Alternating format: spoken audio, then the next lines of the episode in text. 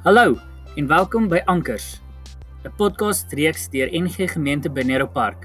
Hier voer ons gesprekke oor Jesus, die Bybel, genade, geloof en hoe ons lewens God eer.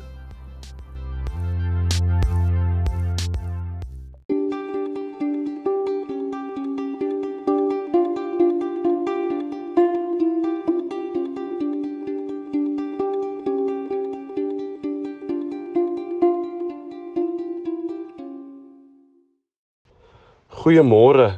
Ons is ver oggend by hoofstuk 2 van 1 Korintiërs. So ons sal onthou Paulus sit waarskynlik in Rome en hy is besig om vir die ouens in Korinte te skryf. En soos ons gister geleer het, het hy gesê en hy het daaroor geskryf om te sê julle is eintlik 'n plek van losse sedes en so aan. Maar die ander ding ook van Korinte en hy gaan in hoofstuk 2 aan daarmee is daar was baie mense wat slim was Ehm um, dit was 'n stad ook wat bekend was vir hulle kennis en so aan. So daar was ook mense wat Christene pro probeer ooreed het met allerlei dwaalleer met slim argumente.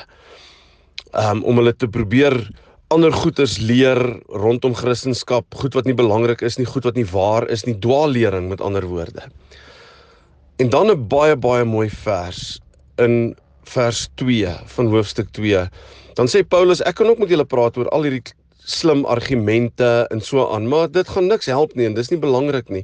En dan in vers 2 sê hy, al wat ek wens is om met julle oor Christus te praat en met hom as die gekruisigde. Sjoe, dit is so so so belangrik wat Paulus hier sê. Hy sê hy wil oor Jesus praat, maar oor hom as die gekruisigde. En dit is vir Paulus so belangrik wanneer hy praat oor Jesus as die gekruisigde.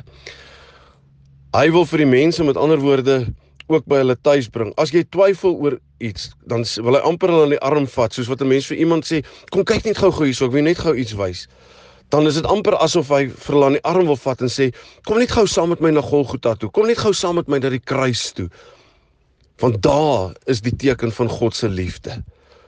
Jesus wat sy lewe vir ons daar afgelê het omdat God vir ons liefhet, geen ander rede deur God se liefde het hy Jesus aan die kruis laat vatspyker vir ons sondes en hy daarvoor betaal. So Paulus sê vir hulle ek kan met julle oor klomp goed praat, maar die belangrikste is Jesus en hom as die gekruisigde. Nie 'n klomp argumente nie.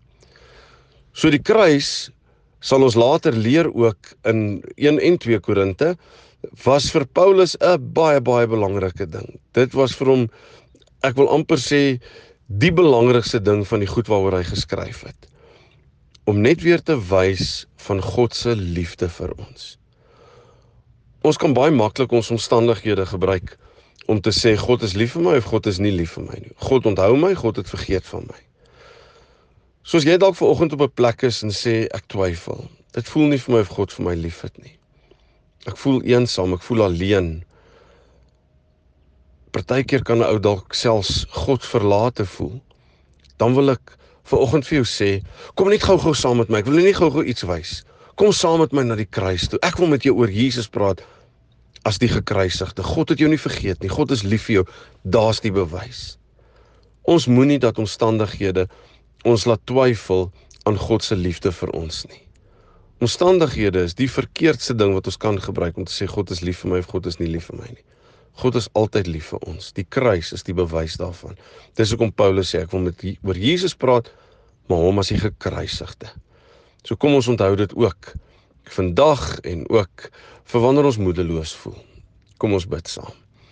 Hemelse Vader, dankie dat ons ver oggend uit 1 Korintiërs 2 se tweede vers so kan mooi kan leer dat Paulus net wil praat oor Jesus as die gekruisigde, niks anders nie en dat die kruis ons eie herinneringsteken is dat U ons liefhet.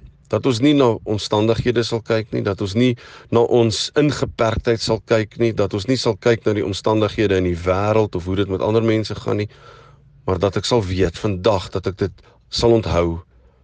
U is vir my lief. Want die kruis is bewys daarvan. Dankie daarvoor, Here. Baie baie dankie. Amen.